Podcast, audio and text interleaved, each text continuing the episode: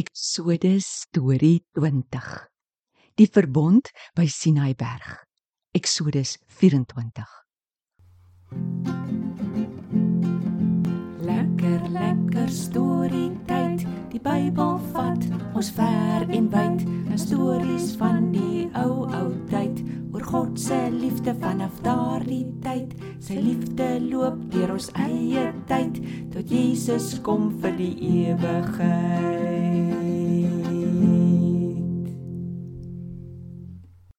Um. Um. Ek kan nie sien nie. Nee, ek kan niks sien nie. Tobias, hallo jong. Wat staar jy so in die lug op en praat met jouself? Hallo julle. Die Karen, ek kyk of ek die vir God kan sien nie. Is die hengel dan nie do ons in die lug nie? Hoekom kan ons hom dan nie sien nie? Tobias, omdat hy te heilig is, te groot en mooi. Ons mense wat mos almekaar verkeerde dinge doen. Ons kan nie na hom kyk en bly leef nie. Het hy dan nooit ter enige iemand in die duidelse tyd gedui so lyk hy nie? Behalwe dat ons vir God in Jesus kan sien, het God wel so 'n paar keer iets van homself vir mense gewys. Ooragtig? Is dit lief tog? Vertel Satan so 'n keer as dit lief? Hmm. Ons kan vertel van die dag wat God by Sinaiberg sy verbond of ooreenkoms of kontrak met Israel wettig gemaak het. Moses het al die gebooie wat hy by die Here gehoor het neergeskryf. Die Here het vir Moses gesê: "Klim op teen die berg na my toe. Vat vir Aaron, Nadab, Abihu en 70 leiers van Israel saam met jou. As julle nog ver is, moet julle al voor my buig. Moses, dan kom jy alleen nader." Die oggend voor hulle begin klim, het Moses 'n altaar gebou met 12 klippe. Tobias, hoekom dink jy sou hy 12 klippe gebruik het? Hmm, seker een klip vir elke stam van Israel. Ja, jy is reg.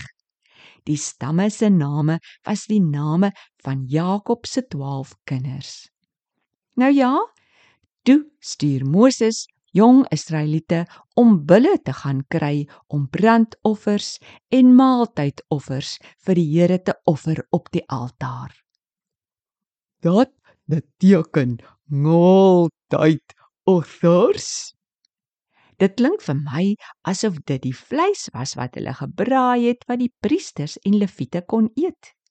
Die brandoffers was vleis wat hulle heeltemal verbrand het. Toe die diere geslag is, het hulle die bloed opgevang in bakke. Daarna gebeur daar toe iets wat vir ons baie aardig klink. Moses het die helfte van die bloed op die altaar gesprinkel. Die verbond was mos tussen God en Israel. Die bloed op die altaar was om God se kant van die verbond te wys. En die mense se kant Moses het eers al die gebooie voorgeles vir die Israeliete. Hulle het soos een man gesê: Ons sal alles doen wat die Here beveel. Toe sprinkel hy die ander helfte van die bloed op die Israeliete en sê: Dit is die bloed van die verbond wat God met julle sluit. Dit gaan oor al hierdie gebooie. bloed op die mense. Tobias, ons mense is so sondig dat ons eintlik as straf moet doodgaan. Maar daai tyd kon mense 'n dier doodmaak en offer in die plek van die mense sodat hulle sonde vergewe kon word. Die bloed was 'n bewys dat die dier is dood. En ons Doch, doch, ek weet. Jesus het dood gegaan in ons klak. Sy bloed het geloot vir almal dat in hom glo en gehoorsaam. Ag, is dit nou nie fantasties wonderlik nie? En toe daddy Toe begin klim Moses en die manne teen die berg op soos God gevra het. En toe en toe sien hulle vir God. God. Ja. Die Bybel beskryf nie alles wat hulle gesien het nie.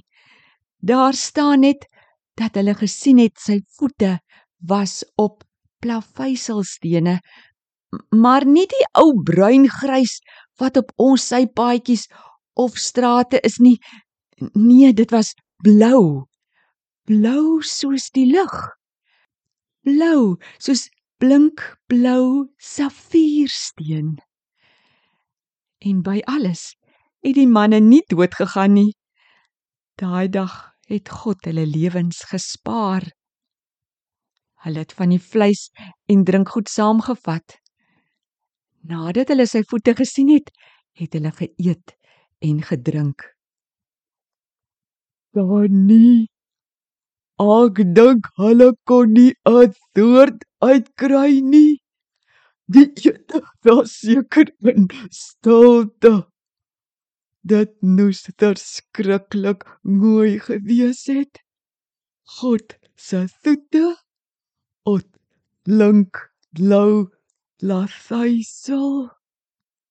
Ek dink ook hulle was stom geslaan. Toe het God vir Moses gevra om verder teen die berg op te klim. Julle weet mos, as twee groot mense 'n kontrak of ooreenkoms met mekaar sluit, is daar twee papiere waarop alles geskryf staan, een vir elke mens. Nou ja, God het gevra Moses moes opkom teen die berg, want God wou die gebooie op twee plat klippe skryf, een vir God en een vir Israel. Moses en Joshua is toe teen die berg op en 'n wolk het hulle toegemaak. Vir 6 dae het die wolk daar gebly. Op die sewende dag het God na Moses geroep. Toe kon die volk God se grootheid sien in 'n sterk vuur op die berg. Moses klim toe verder en het 40 dae daar op die berg gebly. Hierdie alles klink net te erg om te glo. Vier dalk 40 dae op 'n dag klink lou glashuisel en God se voete Ek dink nie ek verstaan regtig hoe groot, wonderlik en heilig is God nie. Ek wonder of die Israeliete dit verstaan het. Tobias, jy en die maats kan alles van vandag se storie vergeet. Maar jy moenie vergeet van die blinkblou plaveisel nie. Dit moet julle laat onthou hoe groot en heilig God is. Maats, gaan sit bietjie eenkant. Maak jou oogies toe verbeel jou jy sien daai blinkblou plaveisel dan praat jy sommer bietjie met God. Vertel vir hom hoe wonderlik hy is. Ek en Tobias moet nou gaan, maar wil weer kom om nog wonderlike stories te vertel. Ons groet julle. Totsiens. Tot volgende keer.